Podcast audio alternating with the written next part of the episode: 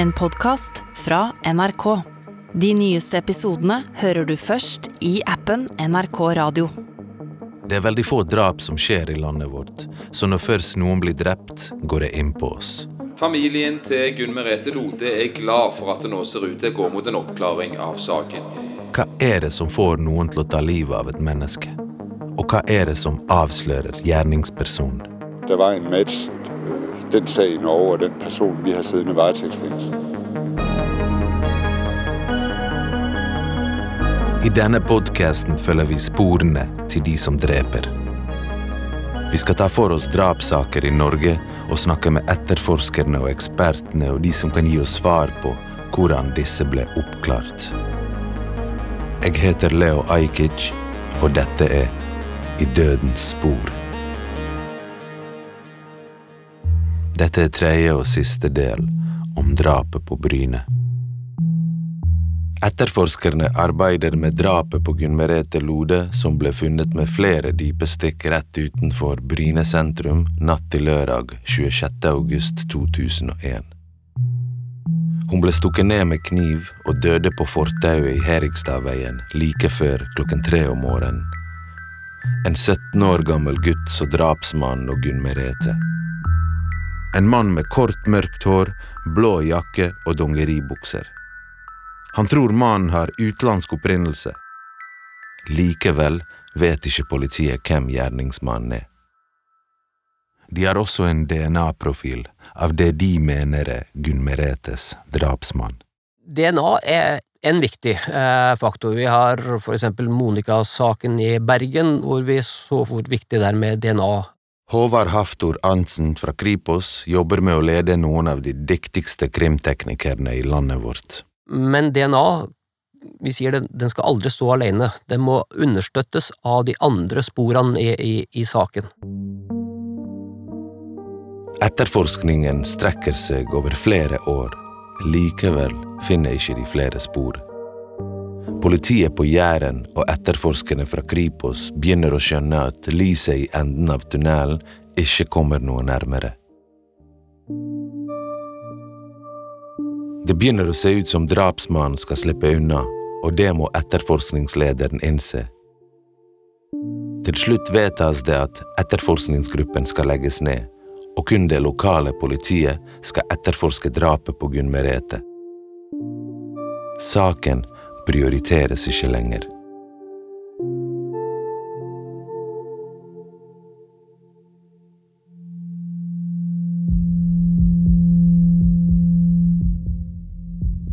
Men tre år etter drapet på Gunn Merete Lode får politiet en telefon. Det er politiet i Danmark som ringer, og de har noen spørsmål knyttet til saken. Hva er det dansk politi har funnet som kan knyttes til Gunn Merete Lode og Bryne?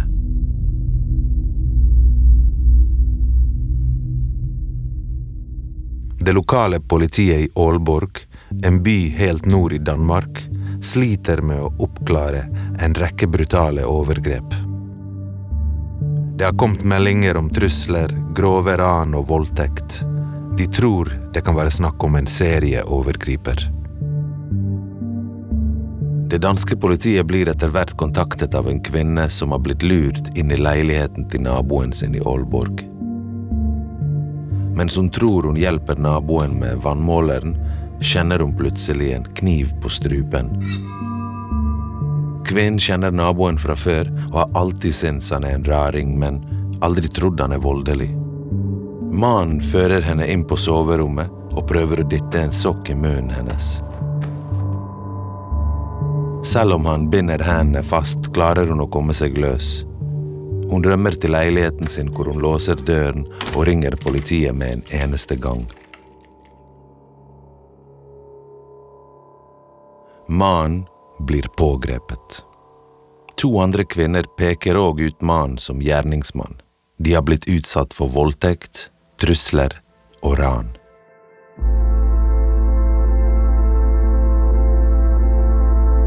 Mannen nekter å ha noe med dette å gjøre. Det eneste politiet har som knytter han til åstedet, er et dårlig fingeravtrykk. Så for å bevise det er han som står bak overfallene, må dansk politi ta en DNA-test av han. Det hadde ikke de gjort om mannen hadde innrømt overfallene.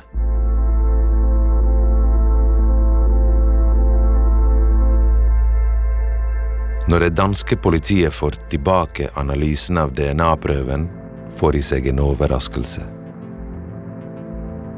De har fått en match. På Bryne i Norge.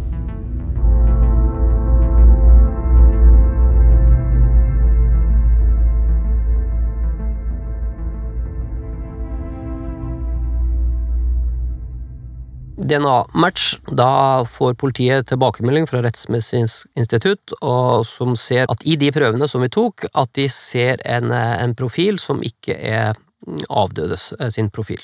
Så det er alt avhengig av hvor sikre de er på, på det sporet, altså hvor, hvor rent sporet er. Spor kan føre til en DNA-match, kanskje, sant? Og uh, hvor sikre er man når man har et match? Hvor sikkert er, er det, på en måte? Det er avhengig av, av uh, hvor godt sporet er. Du har det som er liksom et uh, full match, og der snakker de vel kanskje Det er gjort noen vitenskapelige undersøkelser her hvor det, de sier at sannsynligheten er én til én million, eller det er veldig høy. Oh, ja. ja. Men så har du det som er vanskelig, det er jo når det begynner å bli blandingsprofiler, eller sjølve prøven er dårlig, men greier å, å ekstrahere ut lite DNA, og da blir det med en gang litt mer sånn usikkerhet. Eh, men det er da eh, de som analyserer DNA, som, som er fagfolk eh, på det her, og som skriver en rapport som de leverer til politiet. I Danmark skjønner politiet at denne fyren kan ha holdt på i mange år. DNA-prøven matcher med profilen Kripos sikret på Bryne morgenen etter drapet på Gunn Merete. Altså Noe av det første de norske etterforskerne gjorde, viser seg å kunne få enormt stor betydning. Bare veldig mye seinere. Hvor viktig er internasjonalt samarbeid for å oppklare slike vanskelige saker, da? det, det, er kjempeviktig, fordi at vi, i gamle dager så, så, var det ofte at gjerningsmannen var i bygda eller i byen, men nå vet vi at folk forflytter seg gjennom hele landet på veldig kort tid, og ikke bare landet, over landegrenser. Så Derfor så det, eh, har vi en avtale med en rekke land eh, hvor vi kan eh, søke deres DNA-register. I april 2004 holder politiet en pressekonferanse i Stavanger. En svært lettet gjeng sitter foran kameraer og journalister og kan nå fortelle at en dansk statsborger i 40-årene er siktet for drapet på Gunn Merete Lode på Bryne i 2001. Siktelsen er tatt ut på bakgrunn av DNA-match, og norsk politi ønsker dansken utlevert i Norge så fort som mulig. Etterforskningsledelsen forteller også at de ønsker å reise til Danmark for å gjøre de første avhørene og ta en ny prøve av mannen for å dobbeltsjekke at det er en match.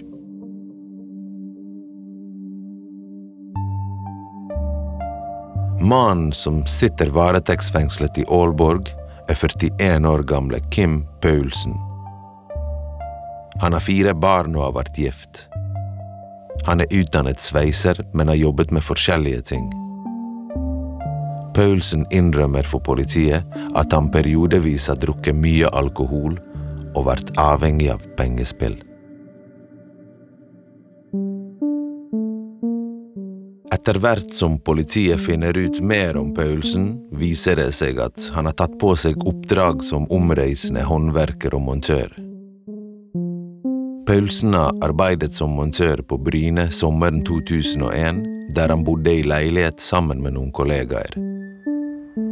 Denne leiligheten ligger i et bygg som er nærmeste nabo til Time lensmannskontor. Og det er stor sannsynlighet for at politiet har gått eller kjørt forbi han flere ganger sommeren 2001. Kim Paulsen forlot Norge og Jæren ni dager etter drapet på Gunn Merete Lode. For det første så er drap en veldig sjelden handling i Norge. Men vi blir selvfølgelig veldig oppskaket hver gang det skjer.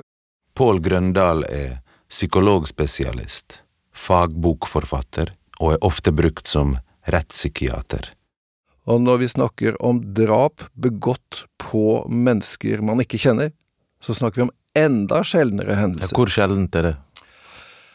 Ja, la oss si at eh, syv av ti drap skjer mellom mennesker som på en eller annen måte kjenner hverandre.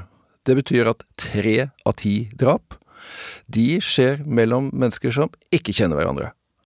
Hva får noen til å drepe et menneske de ikke kjenner?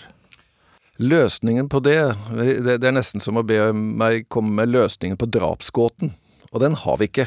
Vi tenker at veien til å begå et drap, den er mangeslungen og komplisert.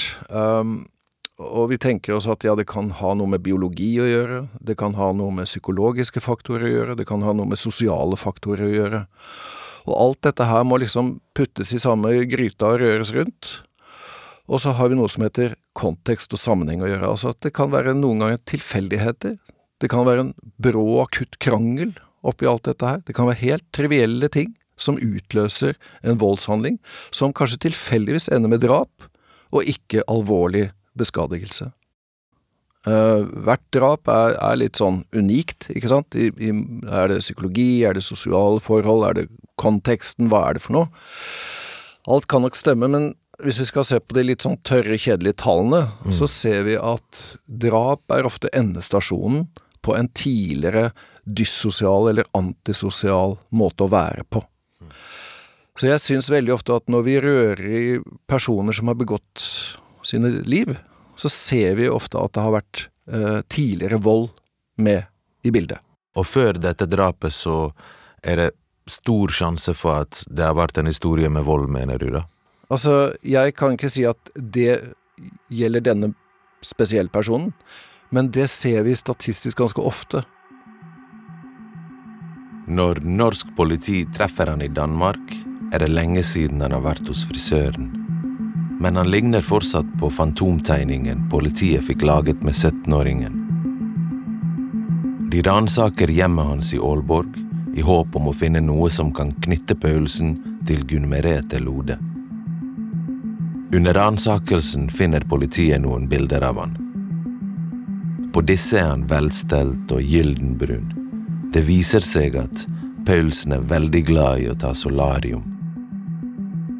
Politiet tror det er grunnen til at 17-åringen har sagt at mannen som drepte Gunn Merete, var utlending.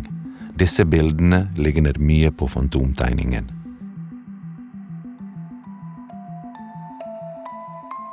Paulsen nekter for å ha noe som helst med drapssaken å gjøre, men innrømmer å ha vært på Bryne og ut på byen den natten Gunn Merete ble drept. Han forteller også at han så Gunn Merete i Herigstadveien den natten. Paulsen forklarer at han jobbet lenge før han dro ut på byen med noen kollegaer. Han mistet etter hvert kollegaene, og på leiting etter nytt utested eller privat fest endte han etter hvert oppe i Herigstadveien. Der så han Gunn Merete liggende på bakken. Han gikk bort og sjekket at hun pustet ved å holde hånden over munnen hennes. Så gikk han videre. Politiet mener Paulsen ikke forteller sannheten. De mener han endrer forklaring etter hva som passer, slik at han fremstår uskyldig.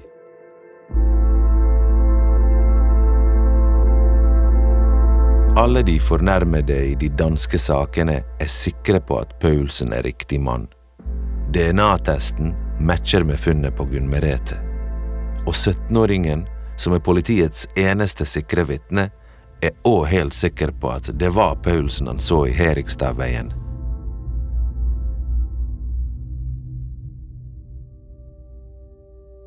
I august 2004 utleveres Paulsen til Norge. Under rettssaken blir det en del forvirring rundt Paulsens forklaring på hva som faktisk skjedde etter at han fant Gunn Merete på bakken. Ifølge Paulsen gjemte han seg litt unna fordi han hørte noen andre komme til åstedet. Da forklarer han at han så 17-åringen og en tredjeperson stå sammen med Gunn Merete, og at denne tredjepersonen hadde en kniv i hånden. Med denne forklaringen fremstiller han seg sjøl som observatør til drapet. Dommeren reagerer på at Paulsen påstår å ha funnet Gunn Merete liggende på bakken, men at hun i neste øyeblikk sto oppreist sammen med 17-åringen og denne tredjemannen med kniv. Hvis du velger å bytte forklaring rundt noe som er ganske viktig i saken, altså la oss si hvor var du i går kveld? Var du i Maridalsveien 89, eller var du ikke der? Hvis du først har sagt at jeg var ikke der, og jeg er helt sikker på det, og nå plutselig sier at du var der allikevel, så er det noe som, som regel er helt sentralt i en etterforskning. Eh, Men det skjer ganske sjeldent. Dette er Ivar Fasing. Han har lang erfaring som etterforsker og regnes som en ekspert på saker med vold og drap. Du vet ikke om den grunnen til at vedkommende holder tilbake informasjon er Så derfor blir steg to, da, dersom du sier at jeg var der, men var, jeg har ingenting med saken å gjøre, så blir det sentrale spørsmålet ja, kan du, kan du komme opp med en historie som vi kan sjekke? Problemet med Paulsens forklaring er at når retten oppsøker stedet han sier han gjemte seg, legger de merke til at det ikke er mulig å se stedet der Gunn Merete ble drept. I rettssaken sier aktor Tormod Haugnes at han tror det er stor sannsynlighet for gjentagelse, og mener Paulsen er en kald og følelsesløs morder. Han mener det ikke fins noe god grunn til å gi Paulsen mild straff, og foreslår en forvaringsdom på 18 år med minstetid på 10 år. Aktor mener Paulsens motiv var seksuelt, og tror Gunn Merete har vært livredd og skremt de siste minuttene hun var i live. Det er jo en ting som man ofte, politiet nok ofte tenker på når en relativt ung, eller eh, egentlig i det hele tatt, når en kvinne blir drept av en eh, ukjent person, sånn ute på gata, ut av det blå. Da er det oftest, ikke alltid, men ganske ofte noe, et seksuelt motiv bak. Ida Gravensten er rettsmedisiner og lege ved Oslo universitetssykehus. Men um, kan vi si om om hun prøvde å stå imot, eller eh, om, om hun gjorde motstand? Det kan det ha vært, altså det vet jeg ikke, men Hva er en del typisk forsvarsskader? Ja, I en del eh, drapssaker, hvis det er brukt kniv eller skarpe gjenstander, så vil du ofte få skjæreskader på hendene eller armene. For da har vedkommende forsøkt å beskytte seg mot ved å ta armene og hendene opp, for eksempel foran ansiktet, eller forsøkt å ta etter kniven. Eh, og de kan også få ha blåmerker, altså eller stumpvollskader da, på hendene og armene hvis noen har forsøkt å slå, enten med knyttnever eller noen har grepet om hendene for å hindre at de prøvde å ja, for å holde dem igjen, eller sånne ting. Eh, Så hendene og armene er vel sånn typiske steder eh, Og for de går automatisk på en måte og prøver å beskytte ansiktet vårt. Jeg har inntrykk av at det er en refleks hos de fleste, ja. Men ikke sant, skjer angrepet bakfra, og du får et ganske sånn passiviserende stikk rett i ryggen, for eksempel, så er det ikke sikkert du rekker i det hele tatt, eller du får en skjærskade på halsen. Så, så, det kommer litt an på, men det er helt klart en sånn ting som vi ser på, eh, og ser etter, ja. Som kan gi liksom styrke teorien om at det faktisk er et drap eller et angrep da, man står overfor. Kim Paulsens forsvarer, Kjersti Jæger, mener det ikke finnes nok bevis og at det er flere løse tråder som kan føre til en annen morder. Hun påpeker at det er flere menn som ikke er identifisert som politiet vet var i området. Kim Paulsen sjøl mener han har ingenting med disse sakene å gjøre. Men det å innrømme noe man er mistenkt for, i motsetning til å stå og nekte, hvor mye har det å si om noen sin samvittighet på det de har gjort? Kan det hende at den som nekter fortsatt angrer like mye, eller er det tegn på kanskje noen som, som ikke angrer? Jeg tror det er et veldig viktig tegn hvis du føler du har gjort noe galt, og da velger å ville gå videre og med oss fortelle hva du gjorde. Ivar Fasing. Og at de menneskene som har den, den trangen, kanskje bør få en annen behandling eh, i, i rettsapparatet enn de som ikke føler den trangen. De må vi passe, de er farligere. De som ikke innrømmer det farligere? Ja. Det, jeg, det er min personlige mening om det, og jeg tenker at det er en ganske interessant forskjell. Hvis du ikke har behov for å si dette til noen, ikke behov for å ta et oppgjør med det, så tror jeg kanskje, så er det et dårlig tegn, tenker jeg. Og at, og at du, bør da, du bør da kanskje sitte lenger i fengsel selv om jeg nå kanskje ikke er tilhenger av fengsel i det hele tatt, men, men, det er det beste vi har for tiden. Men, men at du, du, krever mer oppfølging av deg. Og vi må passe ekstra godt på deg fordi at du ikke klarer å, å ta et oppgjør med det du har gjort. Og, kanskje, og det begynner jo ofte med å innrømme at jeg har gjort en feil. da. Mm. Og så er det noen som skal dømmes til uh, år med fengsel, og noen skal dømmes til forvaring etter fengselet, de må vurderes på nytt og sånn. Er det deres jobb å kunne bevise at de, de er fare for å, for å, gjenta ting, eller er det bare dommerne sin uh, Hva skal jeg si syn på, på, denne personen som sitter foran de i rettssalen? Nei, Det der er noe som politiet ikke for så vidt direkte har særlig fokus på. Mm. Selv om du vil jo komme frem i samtalene da om du sitter og ljuger på ting som du åpenbart, vi åpenbart vet at du, du burde ha sagt noe om, og du fornekter eh, ting. Men de som vurderer dette, er jo verken politiet, påtalemyndigheten eller dommerne. De er det, I sånne tilfeller så opprettes opp, jo det som kalles eh, rettspsykiatriske sakkyndige, som er spesialister i psykologi og rettspsykiatri, som vurderer risikograden Eh, du utgjør, basert på din reaksjon og dine tanker om det som kan ha hendt her. Og Det har vi jo spesialister på. Um, det, men en, uansett hvor spesialist du er, så er det en ganske vanskelig vurdering. Det kan være rett og slett at fyren har et slags fortrengningsforsvar. Sånn, nei, jeg er ingen drapsmann. Og, og, og, blir på en måte en selvopprettholdelse av, av selvbildet sitt ved å si at øh, nei, er, jeg er utsatt for et justismord. Så man liksom hever seg selv litt, da, overfor andre, ved å si at dette er ikke meg, jeg benekter alt. I løpet av rettssaken blir 45 vitner hørt. I tillegg drar retten på befaring til drapsstedet. Flere spesialister gjør sine vurderinger, inkludert en psykiater, som skriver en faglig vurdering av Paulsen. Han beskrives som en person med dissosial personlighetsforstyrrelse.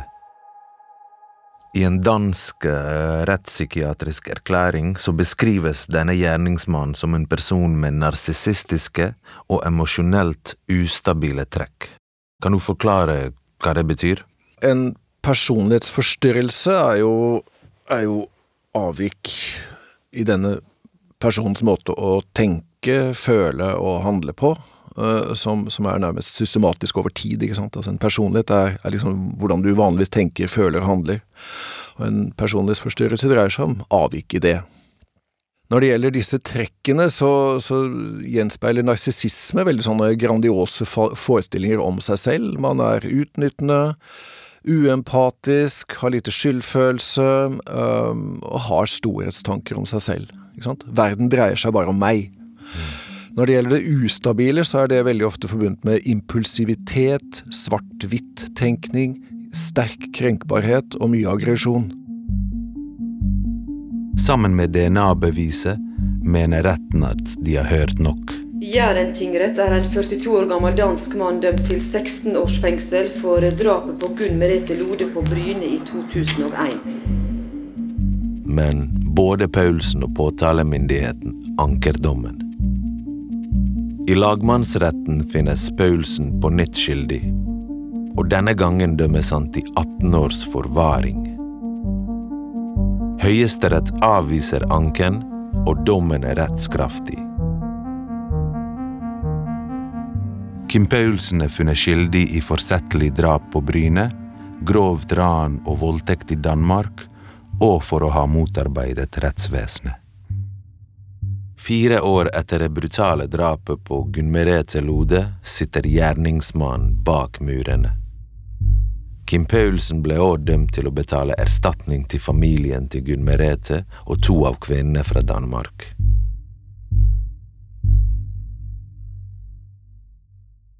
Etter at minstetiden utløp i august 2013, søkte Paulsen om prøveløslatelse flere ganger, men han fikk avslag på alle. Han søkte igjen i 2020. Da hadde han sittet i fengsel i 17 år. Denne gangen ble resultatet annerledes. Danske Kim Paulsen kan bli sluppet fri fra forvaring. Paulsen er dømt for drapet på Gunn Merete Lode på Bryne i 2001. Blir dommen Kim Paulsen prøveløslates fra forvaring. Han må forlate Norge og får aldri lov til å sette sin fot i landet igjen.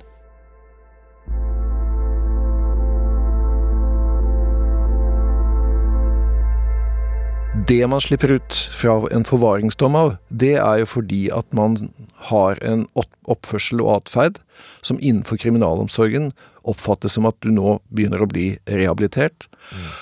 At du skjønner mer av greia, og at det ikke utviser de samme symptomene på f.eks.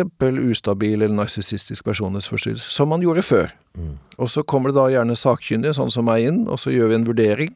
Og så gir vi den vurderingen til retten, og så er det retten som beslutter ja, er det rimelig at han nå skal fortsette å sitte der og sitte der og sitte der? Eh, eller skal vi gi vedkommende en sjanse, fordi Norge og Norden er veldig opptatt av rehabilitering og reintegrering. Rettspsykiatere som vurderte Paulsen igjen, mente at han ikke lenger tilfredsstilte kriteriene for dyssosial personlighetsforstyrrelse.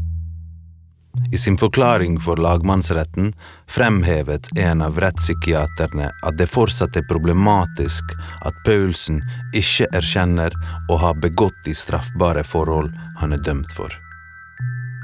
Psykiateren vurderer det som at Paulsen mest sannsynlig har bearbeidet hendelsen slik at han lyger så han tror det sjøl.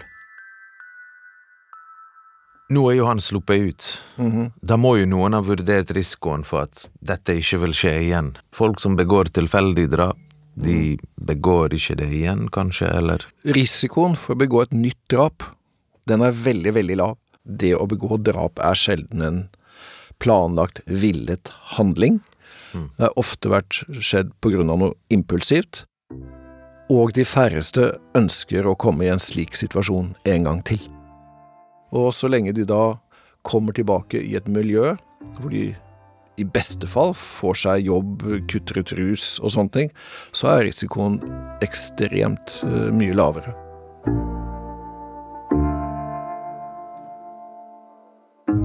Paulsen har fortsatt ikke innrømmet å ha begått de straffbare forholdene han er dømt for.